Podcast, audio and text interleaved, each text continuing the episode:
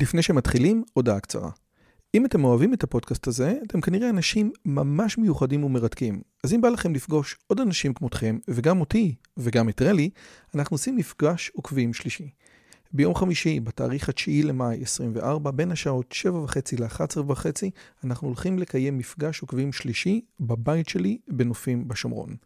מה בתוכנית? מינגלין וכיבוד עם עוד עוקבים מרתקים כמוכם, הרצאה שלי, דיון לגבי הערוץ, ציור בסטודיו ובסוף קומזיץ ופיתות על הסאג'. הרשמה מראש היא חובה וניתן לעשות את זה בקישור שבתיאור הערוץ או לחפש את הלינק ביוטיוב. נשמח מאוד מאוד לראות אתכם. ועכשיו, לשיחה. נתחיל. ההסכם עם האמירויות, האליטות הפלסטינאיות שיושבות באיחוד ועוד כהנה וכהנה דברים. שלום וברוכים הבאים לכולם, אה, ברוכים הבאים לערוץ שלי, ערוץ שמדבר על השכלה, אינטליגנציה, וגם איך לגרום לכם להבין טוב יותר את המזרח התיכון בשיחת הסלון הבאה שלכם. אם עוד לא הצטרפתם, אתם מוזמנים גם להצטרף וגם לחשוב על הספר החדש, הצלחה בלימודים, שיוצא לאור בקרוב. והיום, פעם שלישית בערוץ, ואחד האורחים שמקבלים הכי הרבה תגובות לשני הצדדים, אה, דוקטור דן שפטן. אז קודם כל, ערב טוב, מה שלומך? ערב טוב, תודה, שלומי מצוין. אני רוצה רק לחדד לך עד כמה אתה מקבל הרבה תגובות, כן? השיחה הראשונה שלנו עסקה במדיניות החוץ בארצות הברית, ראו אותה 12 וחצי אלף איש, והגיבו עליה 72 אנשים. לעומת זאת, השיחה השנייה, שהיא עסקה ב... יהדות ארצות הברית, ראו אותה עשר וחצי, אבל הגיבו עליה 130 אנשים. עכשיו, רק לחדד את המספרים, המספרים האלה הם לא פרופורציונים ביוטיוב, וכנראה נגענו איפשהו בשיחה הזאת בעצבים חשופים מאוד גם בחברה הישראלית וגם בחברה האמריקאית, כי לא מעט מהתגובות היו באנגלית. אז השאלה שלי, לפני שאנחנו מתחילים, אתה קיבלת איזשהו פידבק על, על, על הדברים האלה? תראה, אני לא קורא את התגובות, אבל uh, כאשר, אם חלק מהתגובות מכוונות אליי ויש שאלות, אז אני מבקש ממך להפנות אותה אל, אותם אליי, כי אני אשמח לענות. אבל uh, אני קיבלתי די הרבה תגובות מארצות הברית על אנשים שאמרו שהיה להם בהתחלה קשה לעכל חלק מהדברים, אבל להפתעתי זה היה יותר תגובות של הסכמה מאשר של מחלוקת. אני רגיל יותר לתגובות של מחלוקת, אבל אני אנסה להיות הפעם יותר בוטה, אולי אה, אני אצליח לעורר התנגדות של יותר אנשים ואבוא על. בעזרת השם, בעזרת השם. אני חייב להגיד לך שהרבה אנשים גם דיברו על הספרייה, אומרים, מה זה הספרייה שיש לו מאחורה? אומרים לי, אולי תחליף את, ה, את הרקע שלך לספרייה שלו. Uh, אני יכול להגיד לך ששני, uh, uh, שתי תגובות על השיחה עם יהדות ארצות הברית uh, באמת עלו בצורה משמעותית. אחת שלחתי לך, של אחת מורה מאנגליה שאומרת שקשה מאוד ללמד עברית בלי קשר לדת. אחרי זה דיברת איתי על זה, על אולי ההתבלבלות של בין, uh, uh, uh, בין ציונות ובין דת, שזאת שאלה מעניינת. תגובה שנייה הייתה על המחיר הבלתי רגיל שעולה חינוך יהודי. שהחינוך היהודי בארצות הברית הוא יקר בצורה בלתי רגילה. ואם אתה אחד שעזב את ישראל כדי לעבוד בעמק הסיליקון, ואתה, יש לך זהות חילונית, בדרך כלל אתה לא מבין למה אתה צריך לשלם לפעמים פי חמש ופי שש ופי שבע בשביל חינוך יהודי שאתה... שמגיע לך בחינם, כן? בתוך עסקת החבילה בישראל. אני חושב שהמחיר שה... המאוד גבוה, בצדק או שלא בצדק, זו שאלה אחרת, של החינוך היהודי, זה גם פקטור שמשפיע על הרבה מאוד אנשים שהזהות היהודית-דתית שלהם לא הייתה חזקה, לבוא ולהגיד, אולי לא צריך. אתה מקבל את הטיעון הזה? אני קודם כל רוצה להגיב גם בפני המאזינים על מה שאמרתי לך בשיחה בינינו, לגבי המורה מאנגליה, חשוב... אז, אז רגע, אז בוא, אני רק, אז, אז, אז אני ברשותך, אני, אני רק אקריא את הכתבה, את, ה, את התגובה שלה, בסדר? כדי שזה יהיה את זה. כמורה לעברית ויהדות בתפוצות, יש קושי עצום ללמד עברית ללא ציונות וציונות ללא דת. רוב הילדים שלומדים בבתי ספר יהודים מסורתיים או חילונים מתייאשים ולא משתפים פעולה בשיעורי העברית, הם לא רואים בזה טעם, גם, וגם רוב הוריהם לא רואים בכך טעם, כי הם כבר דור שני והתרחקות. ציטוטים כמו מה זה יעזור לי בחיים, או אני לא מתכוון לגור בארץ, טוב לי כאן, הם עניין שבשגרה. התלמידים היחידים שמשתפים פעולה הם אלה שיש להם זיקה לטקסים ולריטואלים של היהדות, משום, משום השתייכות לקהילה דרך בית הכנסת, ורק אז יש שיתוף פעולה כשלומדים עברית וציונות. ציונות היא הקליפה החיצונית, הכלי של הדת. עכשיו, זאת שאלה, אפשר לקחת את זה לעוד, אבל יש פה את, את, את האובזרבציה שלה, ויש פה את המסקנה שלה. המסקנה שלה זה משהו אחר. האובזרבציה שלה, קשה לי ללמד עברית ללא ציונות וציונות ללא דת. ועל זה הייתי שמח שבאמת תגיב את מה שאתה אמרת לי, ש, שהיא באמת יותר כללית לכולם. תראה, אני לא מקבל שאי אפשר לעשות ציונות ללא דת, כי הציונות נוצרה. ראשיה, דוחפיה, מקימיה, אמנם באו חלקם מרקע דתי, אבל הם לא היו שומרי מצוות.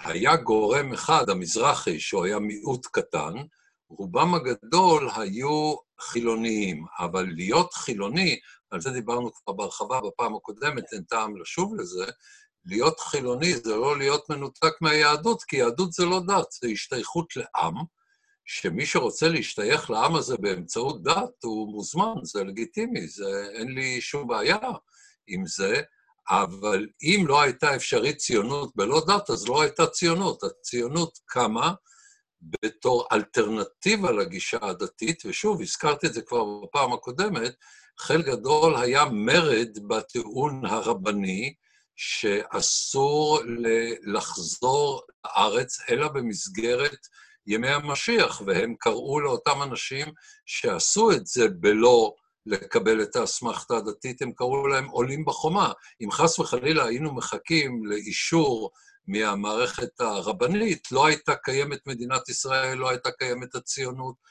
עכשיו, השאלה השנייה באותה מורה, ואני מנסה לתת את זה מאוד בקיצור כדי שנעבור לנושאים שאמרת לי שאתה רוצה לדבר עליהם, אה, רוצה לדבר עליהם היום, זאת השאלה של המחויבות של ההורים. עכשיו, אם ההורים לא משוכנעים שצריך קשר לעם היהודי, אז הם גם לא יעבירו את זה לילדים שלהם. עכשיו, הורים דתיים יכולים להיות משוכנעים שיש לזה טעם, והורים חילוניים יכולים להיות משוכנעים שיש לזה טעם. אני רוצה רק להגיב גם על עוד מרכיב אחד, אנשים שעזבו את מדינת ישראל, מלכתחילה כנראה ששאלת השתייכותם היהודית הרבה פחות חשובה להם, משום שאם היא הייתה מאוד חשובה להם, הם היו נשארים במדינה שבה סיכויי ההתבוללות הם מאוד קטנים, והם בחרו לעזוב את המדינה הזאת. כמובן זכותם, אבל אני לא מתפלא אחר כך שהם לא מוכנים להשקיע בזה, או לפחות חלק גדול מהם איננו מוכן להשקיע בזה, משום שמלכתחילה הם עשו צעד שמתרחק מן הזהות היהודית, משום שהוא מתרחק מן המקום שבו הזהות היהודית היא טבעית, ושבו אתה לא צריך להיות דתי כדי לקב... לקיים אה, זהות יהודית. אני לא אומר שזהות חילונית אה, יהודית איננה אפשרית בחו"ל, אני רק אומר שהיא יותר קשה, ובוודאי לאנשים שבחרו שעניין הזהות היהודית שלהם יהיה פחות חשוב בחייהם, שאתה יורד מהארץ, זאת המשמעות הבלתי נמנעת של הדברים, אה, אז גם אולי העברית נראה להם עניין פחות חשוב. אוקיי, יפה מאוד. זאת באמת שאלה. אז אתה אומר, כאילו, יכול להיות שאם אני, אם אני לא נכנסים לטיעונים התיאולוגיים או לטיעונים העקרוניים שדיברנו במש, בפעם הקודמת, אז מבחינה סוציולוגית יכול להיות באמת הגיוני שההורים שיש להם זיקה יותר דתית, יהיה להם יותר קל להעביר את הריטואלים ואת הטקסים, ולכן גם את העברית הלאה. והדוגמה של אנשים שיורדים מהארץ, זאת איתה קבוצה שגם ככה מאופיינת בפחות זיקה ציונית, דתית, ישראלית, יהודית, ולכן אל תתפלא ש... כאילו, ודאי שאם ההורים לא מעוניינים, אז הילדים פחות מעוניינים, כן? זה איזשהו... יש גם, יש גם עניין אחר. אה, אני מניח שאתה מחנך ילדים בתוך מסגרת דתית, אתה נותן להם מלכתחילה הרבה פחות אה, חופש בחירה לגבי מה הם רוצים והם לא רוצים לעשות. הרי מחנכים אותם מלכתחילה לקיים אה, שורה, לקיים אורח חיים, שהוא אורח חיים שבאופן עצמאי הם לא היו אולי בוחרים בו. אז זה נכון, אבל, אבל, יכול. אבל כל הורה מחייב את הילד שלו לאורך חיים כזה שהוא לא היה בוחר בו. כל... זה, לבוא ולהגיד ש... אבל יש הבדל, יש הבדל, משום שאם אתה דתי ואתה אומר לילד שלך מה הוא צריך לעשות, כמה פעמים ביום, ואיך הוא צריך לעשות, ואיזה מילים הוא צריך, אתה הרבה יותר מכוון אותו, אתה הרבה יותר מאלץ אותו לקבל, אולי הוא גם רואה את זה כדוגמה של הוריו שלו. אדם שאיננו חלק של מסגרת דתית, בדרך כלל פחות יאמרו לו ספציפית מה הוא צריך לעשות בכל שלב ושלב ביום. אז יאסרו עליו לעשות דברים מסוכנים, ואולי יטיפו לו בכיוון כזה או אחר, אבל הוא הרבה פחות ממושטר מאשר בתוך מערכת של ריטואלים. ריטואלים הם ממשטרים, ומסגרת שאין בה הריטואלים הזאת, האלה הם פחות, היא פחות ממושטרת.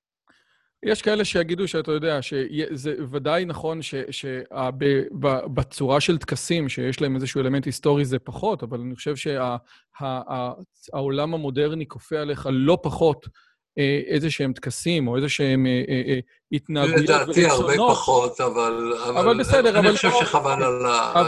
אבל בוא באמת נגיע למשהו... תראה, אחד הדברים, אני מכיר את העבודה שלך כבר הרבה... הרבה זמן, והכרתי את העבודה שלך בתור חוקר, זה לפני שאני מגיע לאמירויות, כי, כי זה באמת משהו שאותי מרתק. ובזמן האחרון אתה מפרסם ב, באמת לציבור. עכשיו, ספר כמו פלסטינים בישראל, שזה ספר פנומנלי, אבל זה ספר שהרוב המוחלט של האנשים לא יקרא אותו, כן? זאת אומרת, אני, אני מניח שאני לא מחדש לך פה כלום. לעומת אה, מאמרי דעה, כן?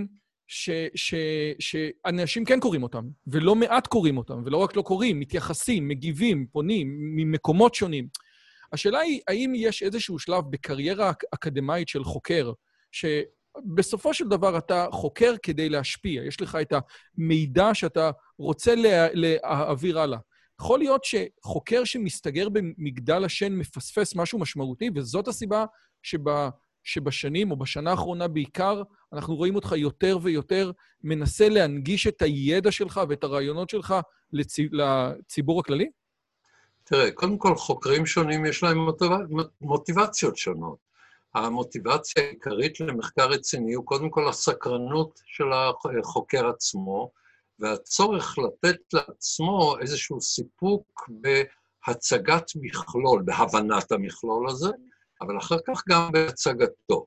עכשיו, יש עניין, גם לי יש עניין, להנגיש את מה שאני עושה לציבור. אני עושה את זה שנים ארוכות באמצעים רבים, באמצעות מאמרים יותר מדעיים, יותר ציבוריים, באמצעות uh, הופעות בתקשורת, הרבה מאוד בהרצאות, במיוחד הרצאות לגורמים שיש להם השפעה על הזירה הציבורית. אני מדבר על המערכות הביטחוניות השונות, המערכות הפוליטיות השונות. אני כבר עשרות שנים אה, מתדרך ומשוחח עם אנשים שהם מקבלי החלטות. אגב, כמעט בכל הספקטרום של הדעות במדינה, כמעט בכל המפלגות, כמעט בכל העמדות הפוליטיות, הערכיות, המוסריות, אני מוצא בזה הרבה מאוד עניין, הרבה סיפוק.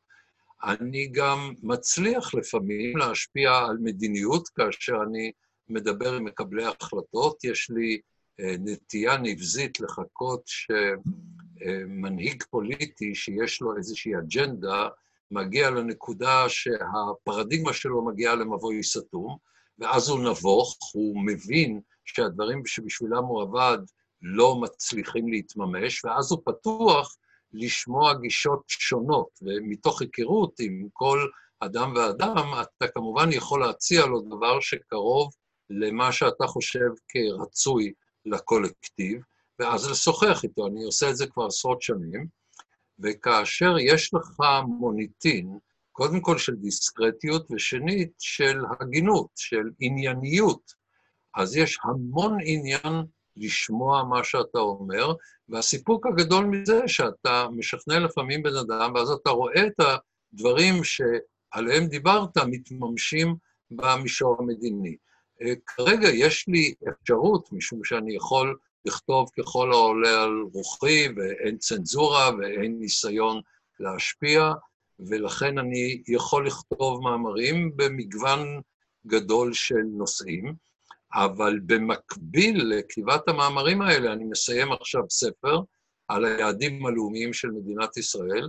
אגב, נושא שלתדהמתי לא נכתב בו כמעט שום דבר. אני כתבתי, רציתי לכתוב מאמר יעמוד על כתפיהם של רבים וטובים, ואני אוסיף את הנדבך שלי, התברר לי שבפרספקטיבה הכוללת, הרחבה, המלאה, שבה אני עוסק בנושאים האלה, כמעט ולא נכתב דבר, וכל מה שיש לנו זה אנשים שכתבו בעצם על הביטחון עם הרחבות, מתוך הנחה שביטחון מורחב זה ביטחון לאומי, ונותן לי הר, הרבה מאוד סיפוק, הספר הזה, ויקראו אותו הרבה פחות אנשים מאשר את המאמרים. תראה, בכלל, עם הספר יש לו דיבר 11, לא תקרא.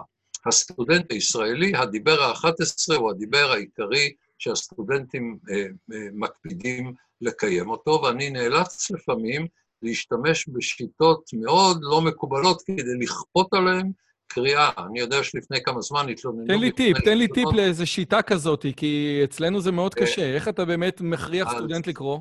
ועוד באנגלית. קודם כל, משום שאני עושה שיטות בקרה, אני לא אכנס עכשיו לכל הטכניקות, אבל אני עושה שיטות בקרה, ויש לי חוסר אמון גמור.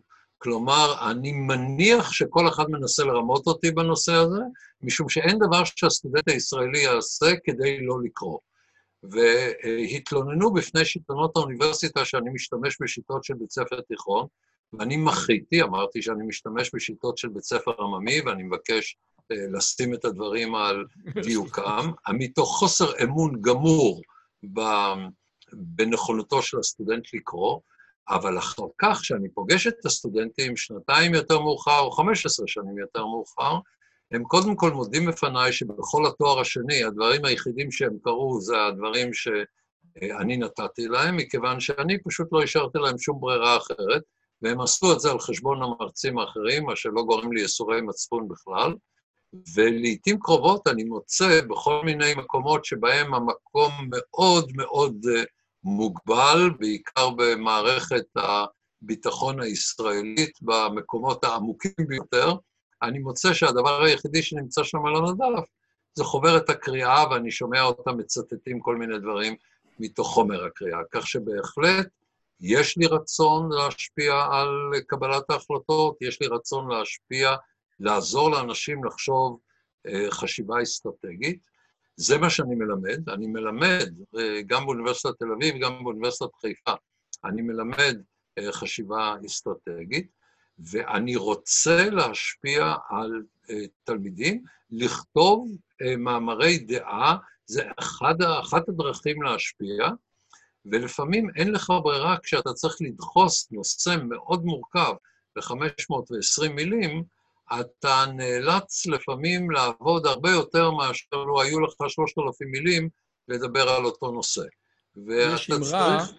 אתה שומע, יש אמרה שאוליבר טוויסט עזר יותר לחוקים בעד יתומים יותר מעשרות רבות של דיונים בפרלמנט, כן? יש לפעמים שאתה נוגע במשהו שכולם, אה, אה, עם מאמר דעה מסוים בעיתון, לא, אתה יודע, אני לא מכיר, אני מאוד אה, צעיר, אבל אומרים שהמאמרים של קרליבך, של עזריאל קרליבך בשעתו, היו מאמרים ש, שיצרו שינוי. אני לא יודע אם זה נכון, אבל ככה האגדה מספרת. אני אתן לך דוגמה אחרת. אני אתן לך דוגמה אחרת. הטור השביעי של נתן אלתרמן בדבר בשנות ה-40 השפיע לפי דעתי על הציבור יותר מאשר כל דבר שאני יכול להעלות על הדעת בהקשר הספציפי, בהקשר הספציפי הזה. אגב, באיחור, אני שייך ל... דור יותר מאוחר כמובן, באיחור, זה השפיע עמוקות עליי, בצורה מאוד עמוקה עליי, והיה מדובר במה שהוא קרא שירי העט והעיתון, כן? אז בהחלט, אני גם אוהב את כוכבים בחוץ, את שמחת עניים וכל מיני דברים אחרים, אבל את הטור השביעי, אני ממש זוכר בעל פה, ואני מזכיר את זה לעצמי בהרבה מצבים עד עצם היום הזה, והייתה לזה השפעה מאוד גדולה. ושוב, כדי שלא תהיה אי הבנה, אנחנו מדברים על רובד צר מאוד, רובד של אנשים שקוראים. חלק גדול מאוד מהציבור לא קורא, ואם הוא קורא, הוא קורא כל מיני סיפורי משרתות וכל מיני עניינים של פלילים ודברים שמעוררים את הסקרנות שלו, הוא מחפש פיקנטריה. הציבור ברובו הגדול מחפש פיקנטריה. אני יודע שגם המאמרים שאני אה, כותב, קורא אותם מיעוט, מלכתחילה אותו מיעוט שמוכן להקדיש את המאמץ, כאשר הוא לפעמים צריך לקרוא פסקה פעמיים ושלוש, כדי לוודא שהוא הבין את כל מרכיביה. אם הוא מגיע למסקנה שכדאי לו לעשות את זה, אם הסקרנות שלו מוליכה אותו לזה, עם ההכרה שלו שהדברים שאני אומר, יש להם ערך בעיניו, לציבור הזה אני מכוון, ואם יש ציבור שלא מבין ולא מכיר ואין לו רקע, אז א', הוא לא יקרא, וב', אם הוא יקרא, אולי הוא לא יבין, אז, ואם הוא רוצה להשתדל יותר, הוא כן יקרא ו- וכן יבין. אני לא מנסה להגיע למקסימום אנשים. אוקיי. Okay. אני מנסה להגיע לאותם אנשים שיכולים להעריך את סוג הכתיבה שיש לי, ויש כמובן לגיטימיות גם לסוגי כתיבה אחרים. אז אמרו חז"ל, כן, שמעם הספר הפכנו להיות עם רבי המכר, ואתה בעצם מכוון לאליטה, ומפה, מהאליטות האלה, אני רוצה באמת להגיע לנושא שלנו היום, של ההסכם עם האמירויות, מאמר שאתה מפרסם לפני יומיים בישראל היום, ובעצם המאמר הזה אומר את הדבר הבא. בסופו של דבר, אם אני מבין נכון את מה שקראתי, ברק אובמה, שהיה הנשיא הגרוע ביותר של ארה"ב מבחינת מדיניות חוץ, וזה משפט שאתה אוהב מאוד להגיד, כן, כן. הוא-הוא הבן אדם שישראל צריכה לשלוח לו פרחים. כי מכיוון שהוא היה מאוד מאוד מאוד אה, אה, אופטימי, כן? או מאוד מאוד אה, אה, הולך לכיוון איראן, אז בעצם הדבר הזה גרם לכל האנשים, או, או, או לכל הכוחות שבסביבה, או לכל הכוחות שהם נגד איראן, לעשות יד אחת, וזה בעצם היה הבסיס של האינטרסים אה, המשותפים של האמירויות ביחד עם ישראל. אתה, אתה מקבל את זה? זאת אומרת, אנחנו צריכים להגיד תודה רבה לאובמה? במובן, במובן מסוים, כן, אבל אני קודם כל רוצה להגיד שאני הייתי מעדיף, אפילו כישראלי, לא רק כאזרח העולם החופשי, אלא אפילו כישראלי, הייתי מעדיף שלא יהיה נשיא כמו ברק אובמה, כלומר שארצות הברית תקבל את המחויבות שלה לנהוג באחריות במזרח התיכון ומתוך הבנה של המזרח התיכון, והייתי מעדיף שגם אובמה היה מבין את הסכנה של איראן ולא היה נוהג במדיניות שלו. אני חושב שהוא פשוט ניסה לעשות מקסימליזציה של כל השגיאות האפשריות במזרח התיכון. אני, קשה לי להעלות, נדמה לי שהשגיאה היחידה שהוא לא עשה במזרח התיכון זה להתערב במלחמת האזרחים בסוריה. בכל שאר הדברים הוא שגה בכל מה שהוא, בכל מה שהוא אה, עשה במזרח התיכון, ואני רוצה לומר שאם הוא היה נשיא, נשיא טוב את הדבר הנכון, אני מעדיף את זה על היתרון של מה שישראל קיבלה משום שהוא היה נשיא גרוע. אבל יש לנו מקרה דומה, אפילו הרבה יותר דרמטי, של מה שאני קורא אפקט בלעם. אני קראתי בזמנו לג'ימי קרטר בשם בלעם, ובאותם ימים היה בכיר מאוד במשרד החוץ, דן קרצר, שאחר כך הפך להיות שגריר בישראל, והוא כזה שייך לשמאל העמוק ולתומכיו של אובמה וכולי, אז זה מאוד הרגיז אותו. אבל אתם זוכרים כולכם שבלעם בא לקלל ומצא את עצמו מברך את עם ישראל, וזה מה שקרה עם ג'ימי קרטר. ג'ימי קרטר, אה, כאשר הוא הגיע לנשיאות, הוא, במקום להמשיך את המדיניות המאוד מאוד מוצלחת של הנרי קיסינג'ר, של לנסות להוציא את מצרים מתוך מעגל המלחמה עם ישראל, לייצר מערכת של הסכם נפרד בין ישראל לבין מצרים, שלא תלוי בפלסטינים ובסורים וברוסים. אה, ג'ימי קרטר בא עם רעיון מופרך, רעיון ממש, אתה צריך להיות בור גמור בפוליטיקה בכלל ובמזרח התיכון כדי להעלות אותו. אחד הרעיונות הגרועים ביותר בתולדות המזרח התיכון, שהוא יעשה שלום כולל בכל מה זה מדינה בשביל ג'ימי קרטר, הוא יעשה שלום כולל, ואז כולנו נרכב אל תוך השקיעה ונחיה באושר ואושר עד סוף ימינו. איזו הזיה מופרעת שקשורה באי-הבנה מוחלטת של המערכת הבינלאומית והאזורית, ומרגע שסאדאת הבין מה ג'ימי קרטר מנסה לעשות, למי שזוכר, זה ועידת ג'נבה, להביא לתוך המשא ומתן, להחזיר את הרוסים אחרי שקיסינג'ר עבד כל כך קשה להוציא אותם, להכניס את אש"ף, להכניס את אה, סוריה, הדבר הרע ביותר שניתן להעלות על הדעת מכל האפשרויות הקיימות, וסאדאת כל כך נבהל מהאיוולת ומהסכנה של ג'ימי קרטר, שהוא רץ בזרועות פתוחות על מנחם בגין. כי הדרך היחידה להכשיל את האיוולת המסוכנת של ג'ימי קרטר, שהייתה גורמת נזק אדיר למצרים ולישראל ולארצות הברית, הוא אמר, אם אני עושה שלום עם ישראל, נשיא אמריקני איננו יכול אלא לאמץ את זה, ואז ג'ימי קרטר לא רק מאמץ את זה בחוסר ברירה, אלא אפילו תורם לזה בסופו של דבר. ג'ימי קרטר בקמפ דיוויד היה מי שתרם להסכם הישראלי, שאותו הוא לכתחילה לא רצה. אז אפקט בלעם בגדול כבר היה לנו, כאן יש לנו בלעמצ'יק, כן? כאן יש דבר הרבה הרבה יותר קטן, אבל זה נכון. יותר מזה, לא רק שאיחוד האמירויות וסעודיה רוצות בקרבתה של ישראל באופן כללי ועקרוני מול איראן, אלא שלקראת האפשרות שביידן, סגנו של אובמה, למי שלא זוכר, יהיה נשיא בבית הלבן, לקראת האפשרות הזאת אנחנו יכולים להבין את העיתוי. העיתוי של המהלך קשור בחרדה מפני שעת האובמאיזם אל, ה, אל הבית הלבן. החרדה של מי, דן? החרדה של ישראל או החרדה של האמירויות?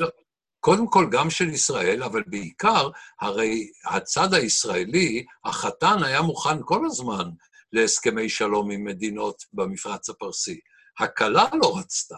אז את הכלה היה צריך לשכנע, והעיתוי הזה מסביר את ההתנהגות של, הכלה. בעצם מה שאתה אומר, מה שאתה אומר זה, בדרך כלל מקובל לחשוב בצורה אינטואיטיבית שממשל אובמה היה טוב לערבים וממשל טראמפ הוא רע לערבים.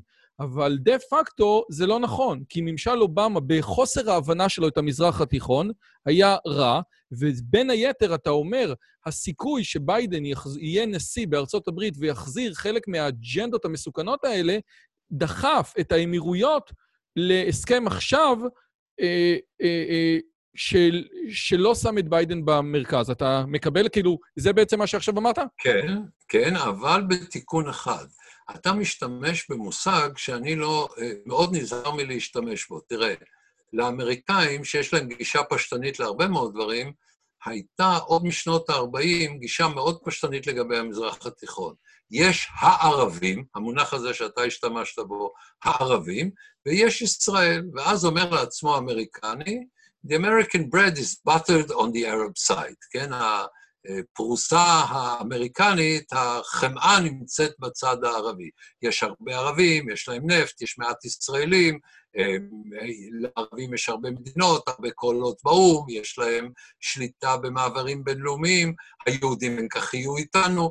מכל הבחינות האפשריות, אם נקודת המוצא שלך היא כל כך פשטנית, שאתה אומר הערבים, אז אתה מגיע למדיניות שהיא במקרה הטוב כתף קרה לישראל, לא עוינות אולי, אבל כתף קרה לישראל, וניסיון לחזר אחרי הערבים.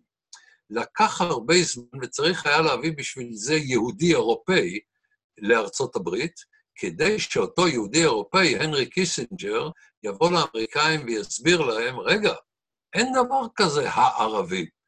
יש הרדיקלים בקרב הערבים שאויבי ארצות הברית בכל מקרה, ישנם רוב, ישנן רוב מדינות ערב שמפחדות מהרדיקלים הערביים יותר מכל דבר אחר, וישנה ישראל.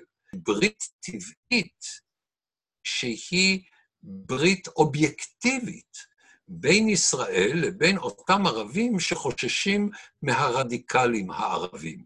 אז אם ארצות הברית תתייצב נגד הרדיקלים, היא לא מתייצבת נגד הערבים, היא מתייצבת לצידם של רוב הערבים נגד הרדיקלים.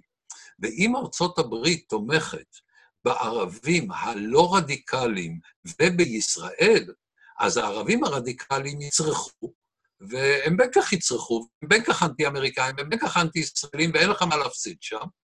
והערבים הפרו-אמריקנים, הערבים הלא רדיקליים, הם בעצם, יש להם עניין בישראל חזקה, אם כי יש להם צורך להגיד שהם נגד ישראל חזקה. וזה בדיוק מה שמביא אותי לשאלה שרציתי לשאול אותך עכשיו. אז השאלה אני שרציתי... רק רוצה, ברשותך, אם, כן. אם עשית הפסקה וכאן תחבר, אני רוצה לספר מה קרה עם הנרי קיסינג'ר. אנחנו מדברים על סוף שנות ה-60, ראשית שנות ה-70, ובשלב הזה, כבר בזמנו של ג'ונסון, אבל במיוחד בזמנם של אה, קיסינג'ר וניקסון, משתנה המדיניות האמריקנית בהנחה שחיזוק ישראל גם מחזק את מעמדה של ארה"ב בקרב המדינות הלא רדיקליות במזרח התיכון. האויב הוא גמל עבד אל-נאצר. ירדן מפחדת מגמל עבד אל-נאצר הרבה יותר ממה שהיא מפחדת מכל דבר אחר, אבל היא צריכה להעמיד פנים בסוף שנות ה-60 שהיא הולכת יחד איתו. ובסופו של דבר ירדן אפילו הולכת למלחמה נגד ישראל, נגד האינטרסים שלה. אבל האינטרס הבסיסי שלה הוא ישראל חזקה. ואז ב-1970, בספטמבר 1970, ישראל מצילה את קיומה של ירדן בזכות העובדה שישראל היא חזקה. ארצות הברית חוסכת לעצמה את הצורך להתערב בעיצומה של מלחמת וייטנאם, להתערב לטובת ירדן ולהציל אותה, כיוון שישראל מצילה את ירדן בעזרת הגיבוי האמריקני שמנטרל את הסכנה הסובייטית מישראל, והמלך חוסיין נשאר ב... במקומו ונשאר בחיים בזכות העובדה שישראל היא חזקה. זה רק דוגמה אחת מיני רבות, אבל מרגע שמבינים שאין דבר כזה, הערבים, יכולים ערבים מסוימים להעמיד פנים שהם נורא נגד ישראל בעוד שהם בעד ישראל, ואני אתן לך את הדוגמה סביב עניין הסיפוח. רגע, ירדן... אבל שנייה רגע, אבל, אבל, אבל דן, רגע, לפני הסיפוח, אני חייב לשאול איזושהי שאלה. בסופו של דבר, אחד הדברים שאני מבין זה כזה, האמירויות ולישראל יש אינטרסים משותפים, גם אתה מדבר על זה במאמר. Uh, הדבר השני זה שבסופו של דבר מדובר באנשים נורמליים, נורמטיביים. אתה מסתכל איך נראית דובאי, זה עולם מערבי לגמרי. והם בסופו של דבר רצו לעשות שלום עם ישראל, מכל מיני סיבות. בסופו של דבר, תמיד כשמדינות עושות הסכם שלום, זה אינטרסים, אף אחד לא עושה את זה לשם שמיים. ואז אמרו, טוב, בסדר, גם ככה הסיפוח הוא לא ידוע, מתי יהיה סיפוח, לא יהיה סיפוח, אז בואו נדחה אותו מתאריך לא ידוע לתאריך לא ידוע אחר, נעשה איזשהו מינימום של מינימום של מאמץ בשביל הפלסטינים. לא שהמאמץ הזה עזר, כי הפלסטינים בדיוק באותו רגע הוציאו את השגרירות שלהם משם.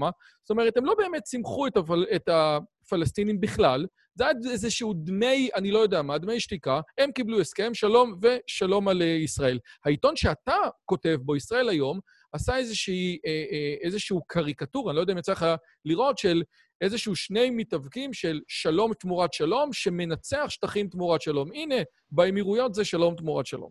אני לא יודע אם אתה מסכים עם הקריקטורה או לא, אבל מה שאני רוצה לשאול זה, מכיוון שהג'סטה שהאמירויות עשו לפלסטינים היא מטומטמת לגמרי, וההוכחה שהפלסטינים עצמם לא מחזיקים מזה, ולכן הוציאו את השגרירות משם, למה צריך את זה? למה האמירויות לא יכולות לבוא ולהגיד, חברים, אנחנו עושים הסכם עם ישראל כי זה מתאים לנו, ושלום, ופשוט תקפצו לנו. למה צריך את, ה, את, ה, את, ה, את המשחק של אני עושה איתך שלום, אבל אני בעצם כועס עליך? אתה מדבר הרבה על ירדן.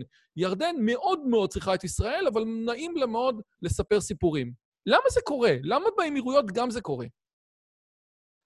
אני רוצה להתחיל קודם כל עם ביטוי שאמרת ככה במעבר קליל, ואני רוצה um, להתמודד איתו. אתה אומר, uh, אתה מסתכל על דובאי, מערבית וכולי, בכלל לא. דובאי זה חברה שבטית, שם יש, המסגרות הן שבטיות. אל תיתן לגורדי השחקים ולניקיון ברחובות לבלבל אותך. מדובר במערכת מאוד בעייתית, אני מאוד רוצה בחיזוקה, אני מאוד שמח לשתף איתה פעולה, אבל שלא תהיה איזו אי-הבנה שעוד מעט מגיעה דמוקרטיה ג'פרסונית, ואנחנו נמצאים במערכת מערבית של מעמד האישה ושל החר... וחירויות הפרט ופלורליזם, לא סתם קידר קרא לתוכנית שלו האמירויות. הוא אמר, בואו תעתיקו את המודל השבטי של מה שקורה במדינות המפרץ לחמולות של אה, שכם ורמאללה. אם הוא צודק או לא, זאתי שאלה. אבל בוודאי שאתה צודק שזה חברה שבטית ולא דמוקרטית במובן המערבי. סליחה, כן, אם אבל, אני... כן, אבל אני לא נמצא בביזנס של אה, לקיים יחסים טובים או לקיים שיתוף פעולה רק עם אה, משטרים מהסוג שאני אוהב. מעולה. כן, אה, אני, אני אה, מאוד מעריך את מה שהם עושים. דרך אגב, אם הייתי יושב בדובאי, אני לא בטוח שהייתי מאמץ מסגרת דמוקרטית אה, בדור הזה, משום שהרעיון הזה שאתה יכול לקחת חברה שאין לה שום הכנה לזה, ומהיום למחר להביא לשם דמוקרטיה, זה רעיון מגוחך שאמריקאים נוטים לקבל אותו מטעמים שלא זה המקום לדון בהם. אבל רק כדי שלא תהיה אי-הבנה, צריך גם להזכיר, לדובאי זה מקום, האמירויות, זה מקום שבו 90 אחוז מהתושבים הם חסרי זכויות, הם עובדים זרים שעובדים בתנאים מאוד קשים, כך שבואו לא נתבלבל. מי שהוא אה, מוכן להיות לצידנו, הוא לא בהכרח כמותנו. כך שזה רק עניין משני שרציתי להוריד אותו מהפרק. אני מקבל את ה... ואני מאוד מאוד מאוד מעריך אותם על ההישגים שלהם. אני חושב שעצם העובדה שהם נבנים לא רק מהנפט, אלא גם מכישרונות מסחר מאוד טובים, מניסיונות להביא לתוך האמירויות גם דרכי חיים אחרים, מלפתוח את עצמם יותר מאשר ערב הסעודית למשל.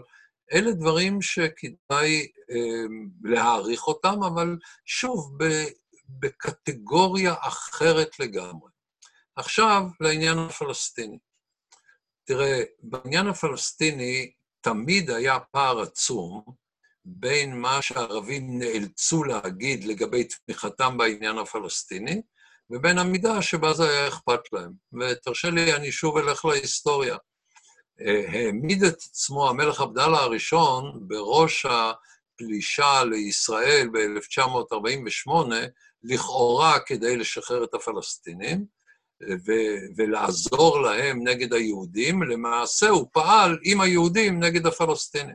מלחמת העצמאות לא הייתה מלחמה של ישראל נגד מדינות ערב, אלא מלחמה של ישראל וירדן מצד אחד נגד מצרים והפלסטינים מצד שני, כאשר הסורים והלבנונים משחקים תפקיד מאוד מאוד משני. כך ש... ירדן אה, הייתה לטובתנו במלחמת העצמאות? כן, כן, במלחמת העצמאות המלחמה אה, לא הייתה בין ישראל וירדן, הייתה בינינו שותפות אסטרטגית עמוקה. אם אתה רוצה, נעשה פעם אה, מפגש מיוחד. אחד הדברים המשונים במדינת ישראל שהרוב הגדול של הציבור המשכיל הוא בור לחלוטין לגבי מה שקרה כאן ב-48-49, בור לחלוטין, לא משום שמישהו ניסה לרמות את הציבור הישראלי, אלא משום שהציבור הישראלי למד על המלחמה הזאת מחצי שעה אצל מורה שבעצמה לא יודעת בין ימינה ושמאלה, ואצלנו לא מנסים להבין תופעות מהסוג הזה, לא חושבים שזה חשוב. בארצות הברית קשה לך להיות אדם משכיל בלי להכיר את מלחמת העצמאות האמריקאית, את מלחמת האזרחים האמריקנית. פה אנחנו מקיימים, שוב, אני מדבר על הציבור המשכיל, אנחנו מקיימים בורות גמורה לגבי, ה, אה, לגבי העניין הזה.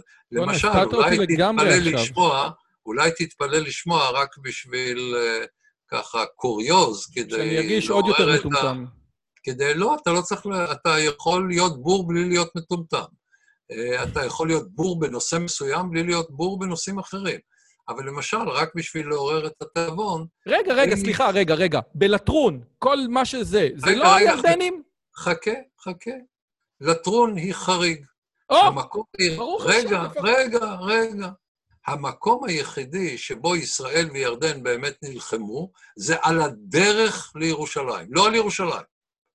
בירושלים היה להם אינטרס משותף לחלק את העיר. כל אחד מהם מבין שאם אחד מהם יהיה שליט בכל העיר, העיר תהיה בינלאומית. ואין בעולם דבר יותר גרוע מבינלאומי. אין ביקום דבר יותר גרוע מבינלאומי. וגם בן גוריון וגם המלך עבדאללה הבינו שטוב להם לחלק את ירושלים. ועל ירושלים נערך מאבק רק בשלב שבו כל אחד היה רגוע שאין לו שום סיכוי להצליח. המקום היחידי שבו היה, הייתה התנגשות אינטרסים היה בדרך לירושלים. עבדאללה רצה שירושלים היהודית תהיה אה, אנקלבה בתוך אה, ירדן ההאשמית, ובן גוריון היה נחרץ לייצר את הפרוזדור מהשפלה לירושלים, ושם אכן נכשלנו ארבע פעמים בעניין של, אה, בעניין של המאבק, והמיקום היה באמת בלטרון. ברוב הגדול של השטח לא רק שלא היה, לא הייתה מלחמה, אלא שהיה שיתוף פעולה. שני, גם הירדנים וגם הישראלים היו נגד המצרים. והמצרים, כשהם התקרבו לירושלים והגיעו דרך uh, באר שבע וחברון לאזור מה שהיום קוראים הר חומה, המטרה העיקרית שלהם היה להכשיל את עבדאללה. לא ניכנס לזה אם אתה טוב, רוצה. טוב, אבל רגע, בוא, לא, אנחנו, זה, זה בפעם אחרת. בואו נחזור. למה הפלסטינים צריכים להגיד, אה, סליחה, למה הערבים צריכים להגיד אחד בפה ואחד בלב? למה אי אפשר כבר קודם כל, להתקדם? קודם כל, אני מציע לך ללמוד את מקומה של הצביעות בהתנהגות האנושית. יש לה מקום מאוד מאוד חשוב. אם אתה לא מבין את הצביעות, אז אתה לא מבין מה זה ערכים ערכי משפחה ויקטוריאניים, כאשר לכל אלה שלכאורה מייצגים את הערכים האלה, יש לפחות פילגש אחת. אבל אה, לצביעות יש איזשהו מקור כשיש אינטרס. אז בסדר, אתה יודע מה? בוא נתק... מה האינטרס? מה האינטרס שלהם לבני... להעמיד פנים, תראה, שאלו פעם טיטו, איך אתה מקיים סוציאליזם ביוגוסלביה? הוא אמר, זה מאוד פשוט, אני נוהג במכונית, אני מאותת שמאלה ואני פונה ימינה.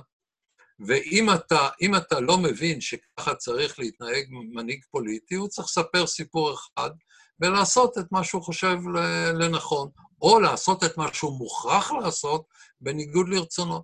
למשל, המלך חוסיין ב-1967 ביוני רוצה שלום ועושה מלחמה, כי אין לו ברירה. כי אם הוא לא יעשה מלחמה, בלי קשר לתוצאותיה, ירדן לא תתקיים. שוב, אה, אתה רוצה... אז מה, אז את זה אני זוכר, את זה, את זה אני זוכר מהשיחה שלך. אז אם, אם האמירויות היו אומרות, לא אכפת לנו, מה היה... עוד, עוד לפני, אני עוד לא הגעתי לאמירויות. אני רוצה... כן. יש לך מסגרת רחבה, הרי גם סאדאת העמיד פנים שהוא מחויב לפלסטינים. הרי את הנזק הכי גדול בתולדותיה של התנועה הלאומית הפלסטינית גרם, גרמה לפלסטינים מצרים ב-1977-79, כאשר היא יצאה מתוך הסכסוך והשאירה את כל יתר העולם הערבי, שכולו יחד הרבה פחות חשוב מאשר מצרים לבדה, השאיר אותם לבד בעימות עם ישראל. וזה היה המפנה המאוד גדול. האם סאדאת לא העמיד פנים שהוא מנסה לעזור לפלסטינים? האם הוא לא ביקש עזרה כדי שיעזרו לו להעמיד פנים, כאשר המטרה שלו הייתה לעשות בדיוק את ההפך, להגיע להסדר נפרד בין ישראל לבין מצרים. האם ירדן לא העמידה פנים שהיא עושה שלום עם ישראל ב-94 רק בגלל שהפלסטינים עושים שלום עם ישראל? הרי אה, ישראל גלילי פעם הגדיר בפניי את היחסים בין ירדן לבין הפלסטינים, ואני חושב שהוא דייק, כאשר הוא אמר בין ירדן לתנועה הלאומית הפלסטינית. כאשר הוא אמר, יש ביניהם ויכוח אגררי. ויכוח אגררי זה קשור להיסטוריה של רוסיה, לא ניכנס אליו כרגע, אבל הוא אמר, ביניהם יש ויכוח אגררי, הם מסכימים על הכל חוץ מהשאלה מי יקבור את מי. כן? זה ויכוח, זה ויכוח אגררי. אז בוודאי, כל דבר שקשור בפלסטינים זאת צביעות. והתמיכה, גם אלה שבאמת תומכים בפלסטינים, לא תומכים כדי לעזור בפלסטינים, זה עוזר להם בהקשרים אחרים, כן? למה אה, אה, ארדואן תומך ב, אה, בעזה? כי מדובר באחים מוסלמים, והוא רוצה לקדם את הרעיון שהאחים מוסלמים צריכים להוביל את העניין הפלסטיני, כי יש לו משקל בנושאים האלה. למה המלך עבדאללה מעמיד פנים שהוא מנסה להציל את הפלסטינים מידי ישראל? כי 80% מהאוכלוסייה הירדנית הם פלסטינים. לא בגלל זה, לא בגלל זה. הרי מנקודת ראות ירדנית, הדבר האידיאלי זה כיבוש ישראלי לנצח. כי הוא מנטרל מירדן את האיום של הפלסטינאים. הפלסטינאים מאיימים על כל מי שנוגע בהם וכל מי שנמצא לידם. והם ניסו כבר כמה פעמים לקעקע את קיומה של ירדן, והכי טוב למלך, למלך עבדאללה שיהיה כיבוש לנצח של ישראל, והוא יצרח נגד הכיבוש. השילוב הזה הוא האידיאלי. אבל מה הוא צריך להגיד? הוא צריך להגיד את ההפך.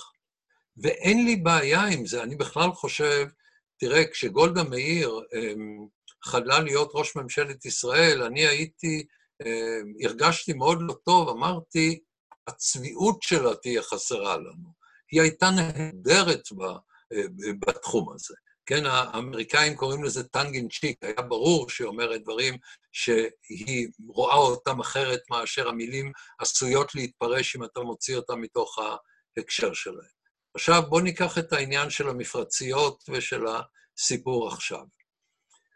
נוח להם לבוא לעולם הערבי ולהגיד, עזרנו לפלסטינים נגד הסיפוח.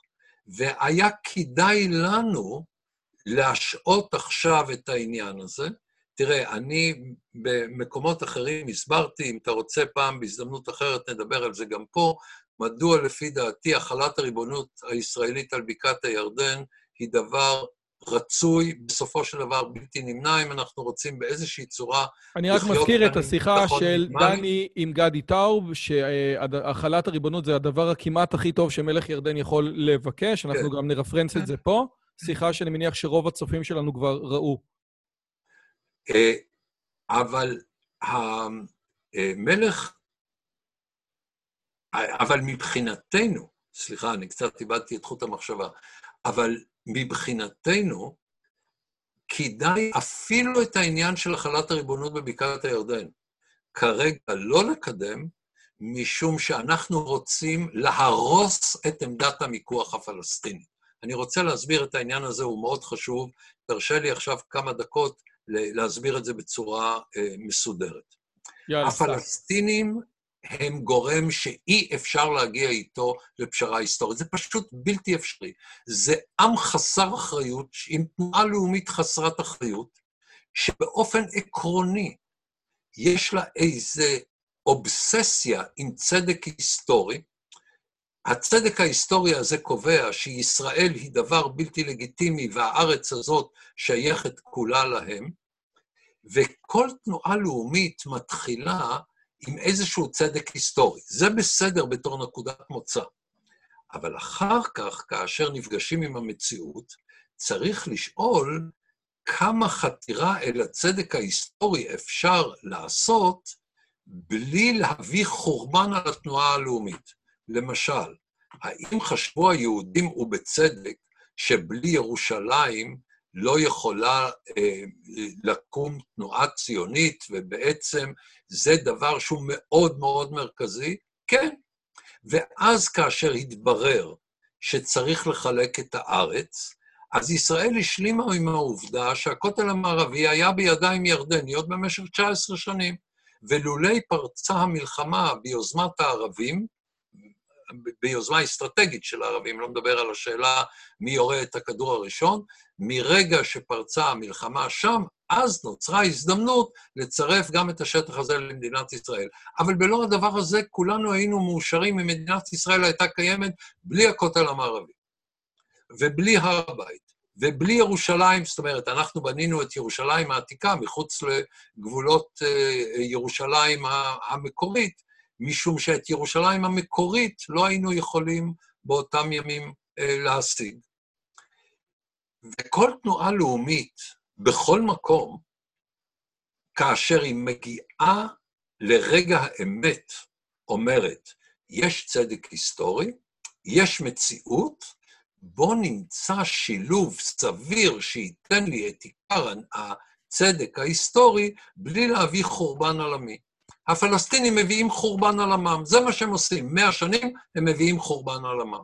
הם הביאו על עצמם חורבן ב-36-9, הם הביאו על עצמם חורבן ב-48, הם מביאים על עצמם חורבן בעצם הימים האלה, עם איזו פנטזיה שאתה צריך באמת אה, למתוח את הדמיון שלך כדי לשאול איך הם יכולים להיות כל כך מופקרים בכל ההתנהגות שלהם. האמת היא, דן, אני לא צריך למתוח את הדמיון, כי אם אני מסתכל על המאמר שלך, אז אני, אה, אז, אז במאמר שלך, אין לי את זה פה, אבל במאמר שלך אתה כתבת שהם אמרו, קיבלנו 90 אחוז מהשטח, ואחרי זה 100 אחוז מהשטח, אז בוא נחכה. עושה רושם, שאתה כתבת במאמר שלך שההתנהלות הישראלית הייתה כזאת, שעודדה, עודדה בשנים האלה את הפלסטינים לחכות, כי כל, כי כל פעם שהם חיכו, הם קיבלו הצעה יותר לא, טובה. אני דו, לא, אני דווקא חושב... זה מה שאתה כתבת, שישראל, נכון? לא, לא, רגע, רגע, רגע. אני דווקא חושב שלמעט נושא אחד בזכות השיבה, שבה ברגע שמישהו אומר את המילה זכות השיבה, אני הייתי קם ויוצא מהחדר. כלומר, הייתי אומר, מי שרוצה לדבר על 48, אני לא מדבר איתו. אתם רוצים מלחמה של אלף שנים, בבקשה. ואנחנו, הטעות הגדולה שלנו הייתה שאנחנו לא עמדנו על זה, שהם יגידו בצורה מפורשת שהם מסתלקים מזה, והם לא מוכנים להסתלק מזה. אבל הם בחוצפתם טבעו, הם התנהגו כאילו שהם כבשו את תל אביב והם יושבים ומכתיבים לישראל תנאי כניעה. למה? כי הפלסטינים, בחוסר האחריות הבסיסי, הטבוע בתנועה הלאומית הפלסטינית, בתמיכת הציבור הפלסטיני, הם לא מסוגלים להגיע לפשרה היסטורית. עכשיו, כיוון שהם לא מסוגלים להגיע לפשרה היסטורית, מה שפוגע בהם טוב לנו, בהקשר הזה של עמדת המיקוח. מה שמסלק אותם מהחדר, מה שמאפשר לכפות עליהם בניגוד לרצונם, כי איתם אי אפשר לעשות שום דבר, רק לכפות עליהם, רק לפעול נגדם ולא איתם, כי הם, ברגע שאתה נותן להם איזשהו דבר, יש להם פנטזיה שאתה צריך להתאבד כדי שהם יהיו מאושרים. והתוצאה היא כאן, בהקשר הספציפי שבו אנחנו מדברים עכשיו, שהפלסטינים ספגו, ואני חייב להודות שמעבר לצד האנליטי, אני גם נהנה מזה, שכל השנים האחרונות נשבר נדבך נדבך כושר המיקוח שלהם. זה התחיל בזה שטראמפ הכיר בירושלים כבירת ישראל. עכשיו, לא משנה הרי מה האירופים יגידו, הבדיחה הזאת שנקראת הקהילה הבינלאומית, זה לא משנה לאף אחד. אתה לוקח את הנושא הכי רגיש, שכל המומחים חסרי הערך, והם הרוב הגדול של מי שמתקרא מומחים, אמר שבשום פנים אסור לגעת בהם בנושא של ירושלים. אגב, אנחנו מדברים על ה-State Department, למה הייתה החלטה של להעביר את לא השגרירות, שנים זה ככה. אותם מומחים ב-State Department אמרו, אל תעשה. זה לא עניין של ה-State Department. זה היו נשיאים אמריקנים, כולל נשיאים אמריקנים מאוד אוהדים לישראל, שחשבו שהעולם המוסלמי, הקרקע תבלע את ארצות הברית אם חס וחלילה ייגעו בזה. כאן באו לנושא הכי רגיש של הפלסטינאים, אמרו להם, אנחנו נעשה את ההפך הגמור של מה שאתם רוצים, ולא יקרה שום דבר. כי העולם הערבי לא יתקומם, והעולם האסלאמי לא יתקומם, ולא יקרה שום דבר, ולא קרה שום דבר. אחר כך פגעו להם בקודש הקודשים של אונר"א, ולא קרה שום דבר. אבל עוד לפני זה, מצרים נטשה אותם, הליגה הערבית הייתה צריכה לצאת מצרים, העולם הערבי החרים את מצרים, אבל מה זה העולם הערבי בלי מצרים? זה לא קיים בכלל. ולכן כל העולם הערבי, כולל ערפאת, חזרו על ארבע למצרים, וירדן עשתה שלום עם ישראל, וישראל הכתיבה להם את רצונה בשורה ארוכה של אה, נקודות בעיקר, שברה אותם בחומת מגן, אחרי האינתיפאדה השנייה, ועכשיו גם המרכיב הזה. ובעצם, מה אומר, מה אומר העולם הערבי לפלסטינים? אתם בניתם על זה שאתם תהיו רדיקלים, אתם תהיו גיבורים, ואנחנו נהרג בשבילכם. לא תודה. אנחנו לא בנק הדם שלכם, אנחנו לא מוכנים להילחם בשבילכם. זה מה שאומרים הפלסטינים כל הזמן, והפלסט... אה, סליחה, העולם הערבי כל הזמן, והפלסטינים לא ידעו לצאת כשידם על העליונה. תראה, אם אתה מתמקח ומחכה לתנאים יותר טובים, הכל בסדר. בתנאי שאתה יודע לצאת לפני שעמדת המיקוח שלך מתמוטטת. ולהם היה, לפי עדותם, לפי עדותם שלהם עצמם, הם קיבלו מאולמרט 100% של השטח. ואז הם עוד רוצים להכתיב לישראל תנאים כאילו שישראל הובסה במלחמה על ידי הפלסטינים. ומאז כל מה שפוגע בעמדת המיקוח הפלסטינית, ומה שקורה עכשיו פוגע בעמדת המיקוח הפלסטינית. הוא לא רק טוב לישראל, הוא טוב לישראל, הוא טוב לעולם הערבי, הוא טוב לארצות הברית, הוא טוב לכולם, חוץ מאשר לפלסטינים. למרות שעושה רושם שהוא בסופו של דבר יהיה גם טוב לפלסטינים, כי אם תהיה התפכחות או הכרח... לא תהיה התפכחות. אז מה יהיה? לא תהיה התפכחות. לנו יהיה לכל העתיד הנראה לעין שכן אלים, חסר אחריות, תוקפני, כנתון. אבל את זה אתה אומר מניק... גם תמיד. אני שומע אותך, סליחה רגע, דן, אני שומע אותך אומר את הדברים האלה הרבה. עכשיו, אם, ונכון, יכול להיות שאני אפילו מסכים איתך, אבל אם אתה אומר, תקשיב טוב, ההסכם עם האמירויות הוריד את הפלסטינים, או, או, או שם אותם באיזשהו מצב שהוא... יותר נמוך במשא ומתן, כי הם רצו ככה, ועכשיו הם רואים שהם זה לא מקבלים, ואת זה לא מקבלים, ואת זה לא מקבלים, אז בסופו של דבר אתה מתאר על איזשהו משא ומתן שקיים. עכשיו, אם אתה אומר לא קיים משא ומתן, איך ההסכם הזה אמור לשנות משהו לפלסטינים? הוא לא ישנה. הוא לא ישנה. אנחנו נכפה עליהם בניגוד לרצונם. הוא לא ישנה. אי אפשר לדבר איתם על פשרה היסטורית. הם לא פרטנר לפשרה היסטורית, הם אף פעם לא היו, ומי ששיקר לנו בשנות ה-90, במקרה הטוב אני מוכן להניח שהוא היה בור, במקרה הטוב. במקרה הרע הוא שיקר ביודעין.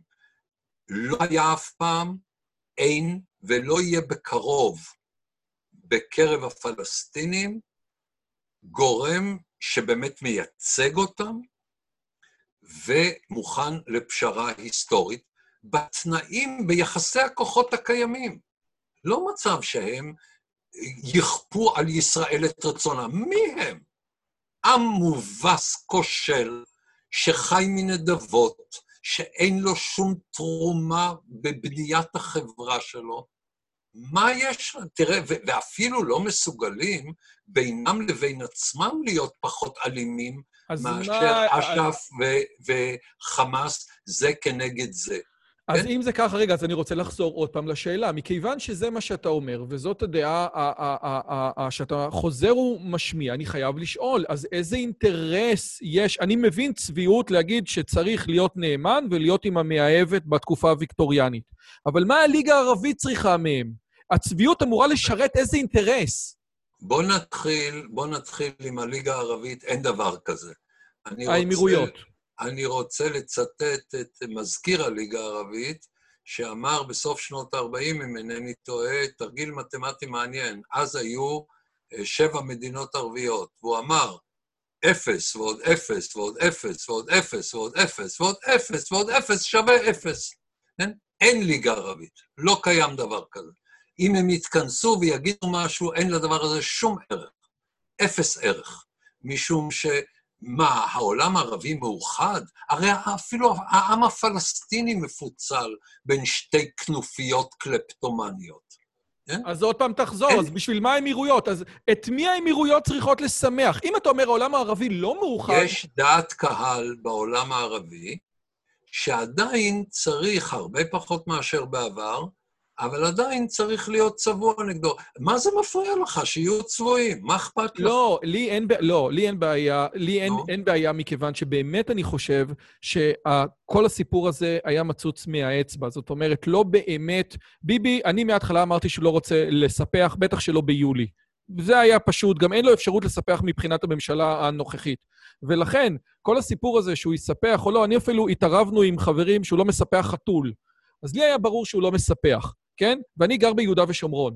אז לי היה ברור ככה. אז עכשיו, מכיוון שהוא לא מספח, השאלה, מתי אני מספח? אז אני דוחה מתאריך לא ידוע לתאריך לא ידוע. היה ברור שהאמירויות רצו לעשות שלום, וזה רק היה משהו לרדת מהעץ.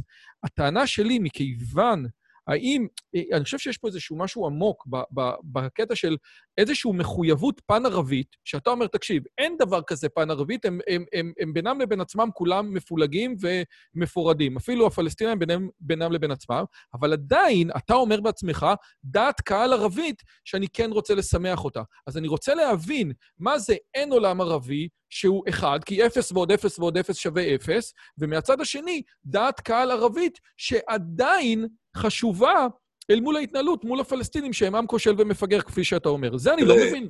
אם אתה, אה, אם נאמר בתקופת נאסר, דעת הקהל הכלל-ערבית וכל המסגרת הפן-ערבית זה משהו שהוא בדיון שלנו עכשיו, נקרא לו סקאלה של 100. אז היום יש 40.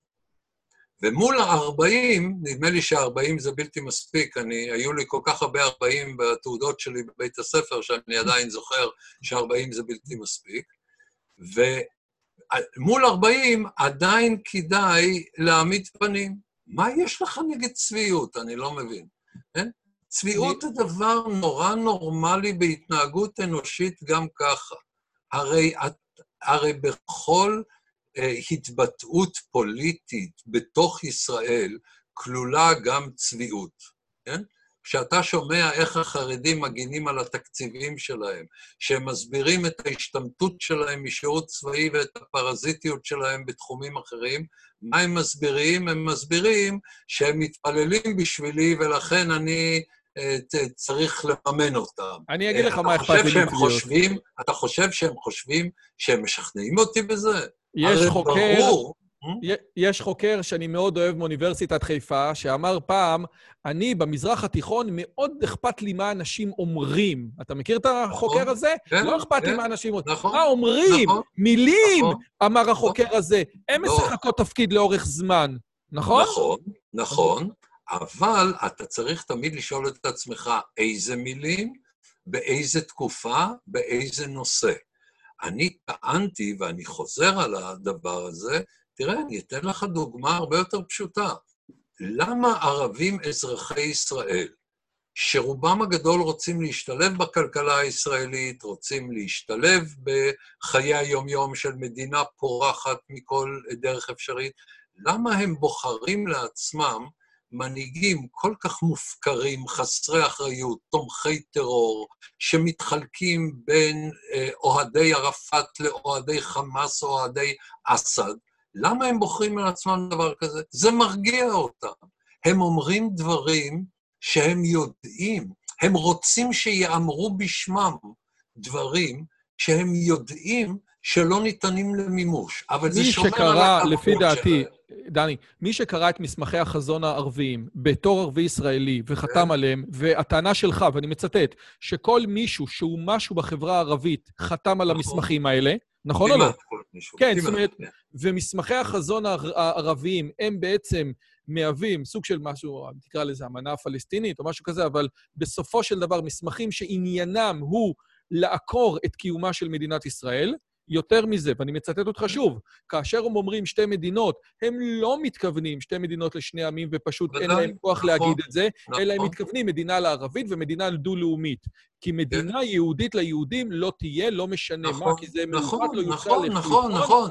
ראית, אני שים... חוזר אל כל ההרצאה שלך מ-2012. מצוין, אבל רק שים אותה בקונטקסט של הדיון שלנו עכשיו. ואם אתה בודק את ההתנהגות של הערבים של שני מיליון ערבים במדינת ישראל, אז לכאורה, במילים כל כך רדיקליות, הם היו צריכים לעשות מזוין במדינת ישראל. אבל יש דיסוננס. הם מתנהגים בדרך אחת ואומרים דברים שהם הפוכים לגמרי מההתנהגות שלהם, הרי מתוך המילים האלה מתבקש הצורך להתמרד בנשק, נגד היהודים. הרי הם יכולים למרר את חיינו פה, לפחות לזמן מסוים עד שנתארגן כדי לדכא את זה, בעזרת ממש התקוממות אה, נגד ישראל. מתקיים דיסוננס, ואתה שואל אותי מה משני הדברים האלה הוא אמיתי, ואני אומר לך שניהם. זה מתקיים זה לצד זה. עכשיו, נכון, תקשיב למילים. נכון, תשאל את עצמך מה הסיכוי שערבים יבחרו לכנסת סוג כזה של חברי כנסת שאפשר לשתף אותם בממשלה. וזה מאוד מאוד קשה. אני לא אומר שזה לא יקרה, אבל אני אומר שזה מאוד מאוד מאוד מאוד מאוד קשה, כי הם נאלצים, יש בתוכם צורך, זאת הגדרה יותר מדויקת, יש בתוכם צורך לומר את המילים האלה, בעוד שההתנהגות שלהם בחיי היום-יום היא הפוכה בתכלית. כי זה משמר להם את התקווה שבסופו של דבר אנחנו לא נהיה כאן, וזאת תהיה ארץ ערבית. אני, אז, אז אני חושב שאם זה משמר את התקווה, כמו שאמרת, אתה יודע, למשל על הזכות השיבה, שישראל אולי הייתה צריכה לבוא, ואתה יודע, כמו שאמרת על ואצלב האבל, כן, שהגרמנים אצל הסודטים, סגרו את זה שם שלא משנה מה, כמו אמרת, אם מישהו מדבר איתי על זכות השיבה, הייתי קם ויוצא מהחדר.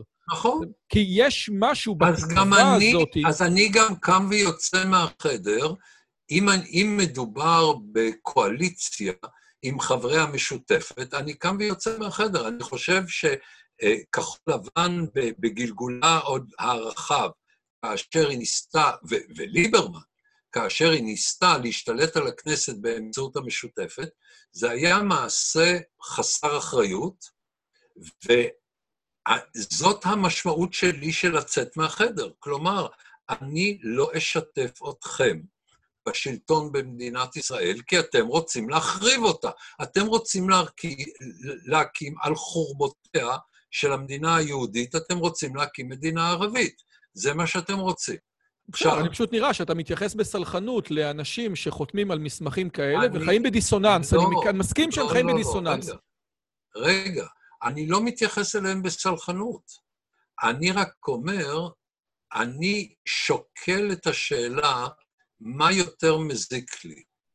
לא לאפשר לערבים לתת ביטוי לשאיפות האלה שלהם, או הסכנה שגורמים חברי כנסת ערבים שהם תומכי טרור. אני חושב שמכיוון שבין כך לא נותנים להם אמון, מכיוון שיודעים שהם כאלה, סכנתם של חברי כנסת היא מוגבלת ואני יכול להכיל את זה. ואני לא חי... תראה, אם הייתי חס וחלילה משפטן, כן? ואני ממש שמח שאני לא נגוע ב... גישה משפטנית, אז הייתי אומר, זה לא בסדר לפי סעיף 7א, כן? לא, לא רוצה ללכת בכיוון הזה, אני שואל מה כדאי אגב, לי. זה באמת לא בסדר לפי סעיף 7א, וזה מעניין יודע. מאוד שבג"ץ אף פעם, כש... אז עזוב, בוא, בוא נדבר על בג"ץ בנפרד. זה באמת מעניין, זה באמת בוא מעניין, נדבר על בג"ץ בנפרד. שוב, אני שמח לדבר על בג"ץ בנפרד, אבל בוא כרגע ננסה להבין לא, את התופעה. לא, לא, לא, אני בסדר, אני, זה, זה קצת מוזר, מה אני אגיד לך? אני, אני באמת שומע את מה שאתה אומר, אני שומע, ו, והנקודה הזאת היא שאנשים לא מבינים שמסמכי החזון הפלסטינים, שמסמכי החזון שחתומים על, גם על ידי, על, ידי, על, על ידי הקולות הדומיננטיים, האליטה, האינטליגנציה של הערבים במדינת ישראל, כן? אותם אנשים שבעצם אה, אה, אה, אמורים, אה, אה, שאליהם מסתכלים, כן? אותה אצולת אינטליגנציה. יש בזה איזושהי בעיה. אגב, אני חושב שהספר לי, שלך הוא בדיוק זה, לא? על, ה, על כן, הבעייתיות אבל... בזה. נכון, אבל יש לי הצעה. תראה, אני הבאתי את הדברים רק כדוגמה. אני מעדיף שכל אחד מהנושאים שהעלינו פה, נדון בהם בנפרד, כי אז אתה יכול לבנות את זה נדבך אחרי נדבך. אוקיי, צודק, צודק. אז אני רוצה רק לשאול אותך שאלה אחת אחרונה, כי אנחנו כבר שעה ועשרה לתוך השיחה, שאלה אחת אחרונה. אני לא יודע למי יש סבלנות להקשיב לכל כך הרבה זמן, אבל אה, יש כנראה הרבה מזוכיסטים בישראל. לא רק שהם מקשיבים, אני רק רוצה להגיד לך שתבין שיוטיוב מראה לך את המשך זמן ממוצע בסרטון. זאת אומרת, כמה זמן בממוצע צפו בסרטון שלך, כולל אנשים שנכנסו לשלוש uh, שניות. ומשך הזמן הממוצע בסרטונים שלך עומד על משהו כמו, אתה יכול לנחש? אולי תנחש. כולל, עושים ממוצע, כולל אנשים שנכנסו לשתי שניות ויצאו. עשר דקות? שלושים. אני מופתע. טוב, תשמע, מזוכיזם הוא חוקי במדינת ישראל, כך שאין לי... אחרי שעשיתי את הריאיון עם ירון לונדון, אז הוא אמר לי, אני בספק כמה אנשים באמת ישמעו שעה וחצי שיחה. ואז אחרי שהיו עשרת אלפים, הוא אמר, אני באמת, אין לי, אני לא מבין מה הולך.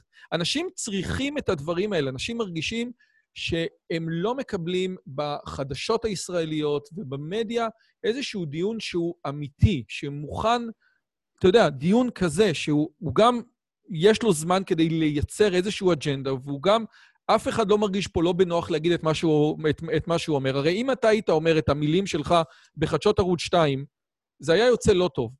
למרות שאתה אומר את זה ביוטיוב. אני אמרתי, לא, אני אמרתי את זה גם בחדשות ערוץ 2. אבל תראה, יש לך שלושה דברים פה. א', העניין של התקינות הפוליטית, זה עניין אחד. דבר שני, סבלנות של אנשים, זה לגיטימי. ודבר שלישי, אנשים אוהבים פיקנטריה. אני כותב עכשיו מאמר ארוך על מלחמת ההתשה, ואני כתבתי כבר את השורות הראשונות ואמרתי, זהירות, זה לא מספר את תולדות המלחמה, אין בזה חוויות אישיות מסעירות, אין בזה חדשות של עכשיו כבר מותר לדבר, אין גילויים חדשים. יש ניסיון להבין את המסגרת האסטרטגית הרחבה. ויש קהל קטן שיש לו עניין להבין את המסגרת הכוללת, ולקהל הקטן הזה אנחנו מדברים. אז מסתבר שהקהל הקטן הזה הוא לא כזה קטן. אמנם הקהל של דקל וקנין גדול יותר, אבל מסתבר שהקהל הזה הוא לא כזה קטן. אני ראיתי אנשים שכותבים בראיונות, עוד ראיון עם דן, אני לא הולך לישון הלילה. אז אנשים באמת, הדברים האלה מייצרים שינוי. אני רוצה לשאול אותך שאלה אחרונה. אני רק רציתי כן. להגיד לך שאני מודע לעובדה שאחרי שאנשים שומעים אותי, הם לא יכולים לישון בלילה. אני מודע לזה בהחלט, כן. תספר לאישה. אה, כן. אחד הדברים שראינו בעיתונות זה שיש לא מעט פלסטינים שחיים בדובאי. אה, והם לכאורה בירכו על ההסכם. עכשיו, אני לא יודע אם זה אנקדוטה או לא, אבל אני מניח שמי ש... איך אומרים, המהגרים הפלסטינים חיים טוב ובעד נורמליזציה, איזושהי מילה שמפחדים ממנה כל כך. אה, אחד הדברים שאתה... אז האם, האם זה בגלל שמי שעוזב את עזה ועובר לדובאי והופך להיות איש עסקים, הוא בדרך כלל בן אדם יותר משכיל ויותר רציני ויותר עם נטיות להיגיון, ולכן הוא אומר, בואו נתקדם, או שיש פה איזשהו משהו אחר?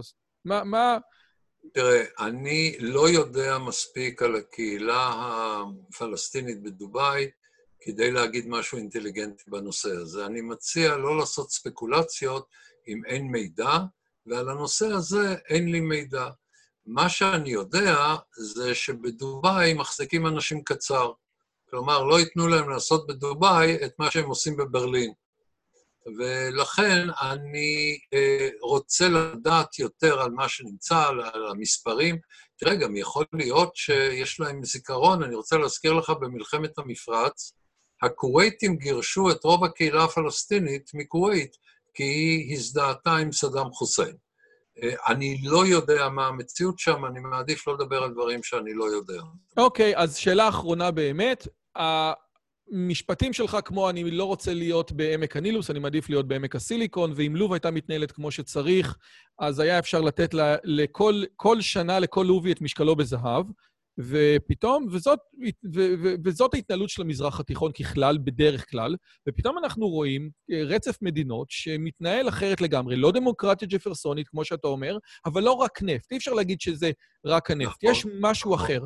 והשאלה היא, אחד הדברים, אני גם התעסקתי עם פרופסור אוריה שביט, ששאלתי לך, מה קורה באסלאם, או מה קורה כדי שחברות אסלאמיות יוכלו להתקדם למערב, או, או, או להיות יותר טכנולוגיות בעניין הזה. פרופסור אוריה שביט אומר משהו מאוד פשוט. חברה צריכה או לתת חופש פעולה, חופש אקדמי מוחלט, או לא. אין ביניים. ואם זה לא חופש אקדמי מוחלט, זה, היא תמיד תהיה חברת התגלות, ותמיד הדת תהיה מעל, ותמיד היא תפגר אחרי חברות ספק.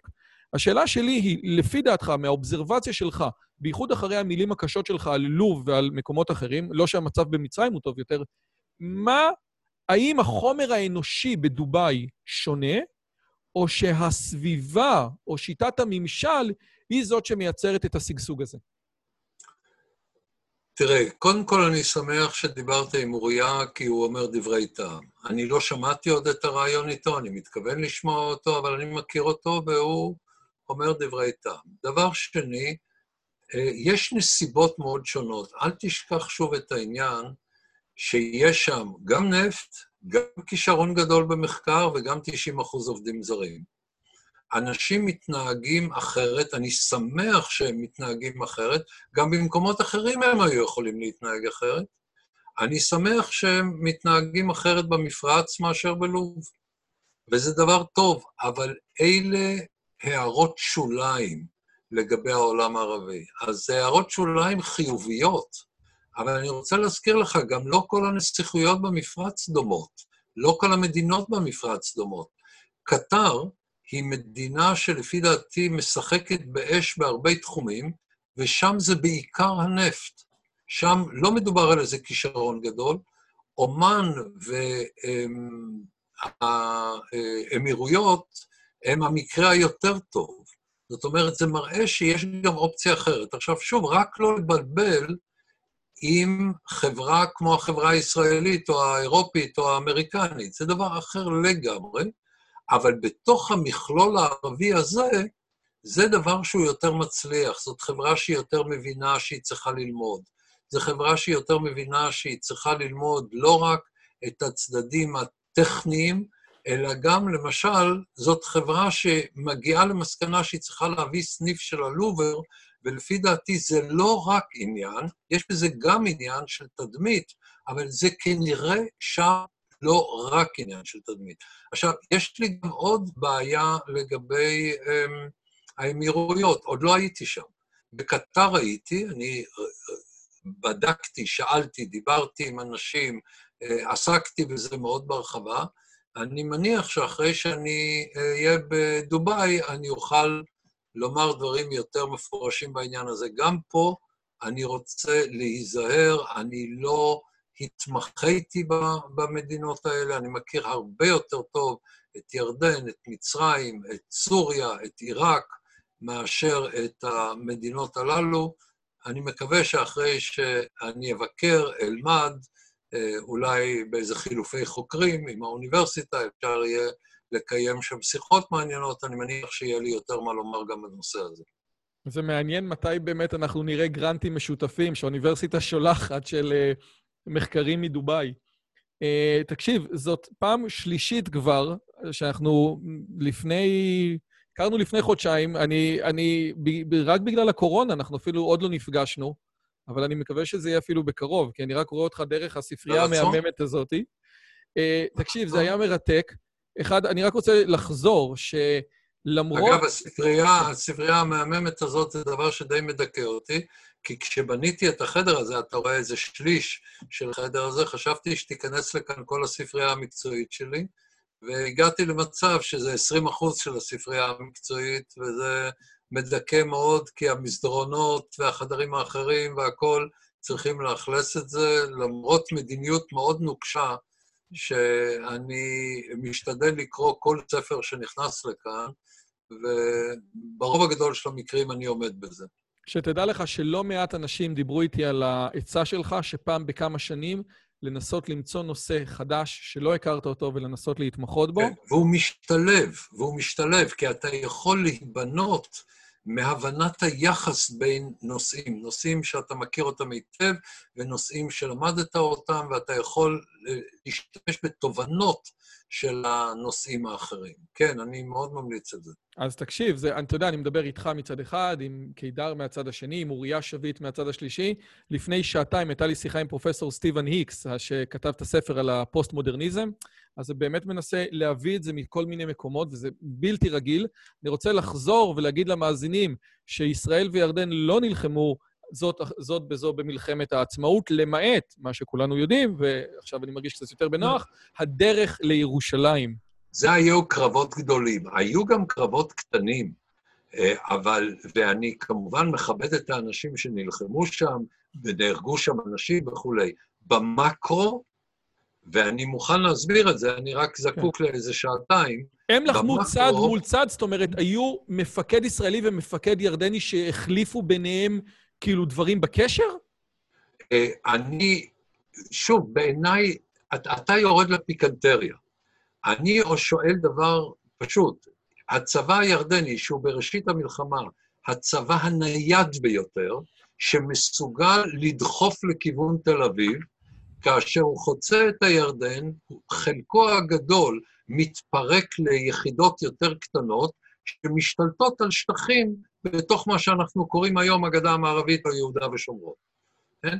ולא שומר על אגרוף שבו הוא נלחם נגד ישראל. אבל יותר מזה, כאשר ישראל מכה את מצרים, ובעצם לוקחת את כל צה"ל, ובעצם תל אביב, ירושלים וחיפה אינן מוגנות, משום שאנחנו יודעים שירדן היא לא איום, וכשאנחנו מכים את מצרים, המלך עבדאללה שואל, למה זה לוקח לנו כל כך הרבה זמן? כי הוא רצה שנכה את מצרים יותר מהר.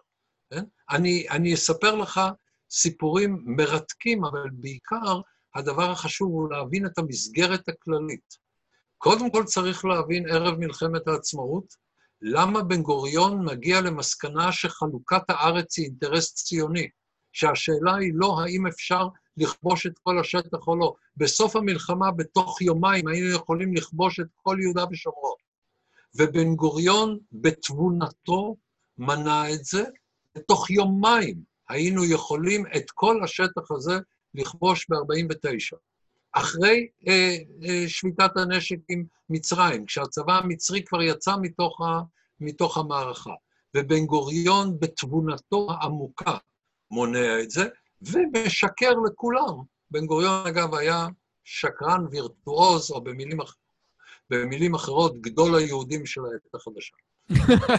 אנחנו, אני אשמח לדבר איתך על זה בצורה שיטתית בהזדמנות אחרת. דן, תודה רבה רבה על הזמן שלך ועל האינטלקט ועל היושרה, ובאמת על זה, ואחד הדברים שאולי שווה ממש לקחת... ועל כן. הצניעות, לא הזכרת את הצניעות. כן, כן. איך, איך אמרתי לך שקראו לך, טוב, הוא לא יהודי, הוא גרמני בן דת משה.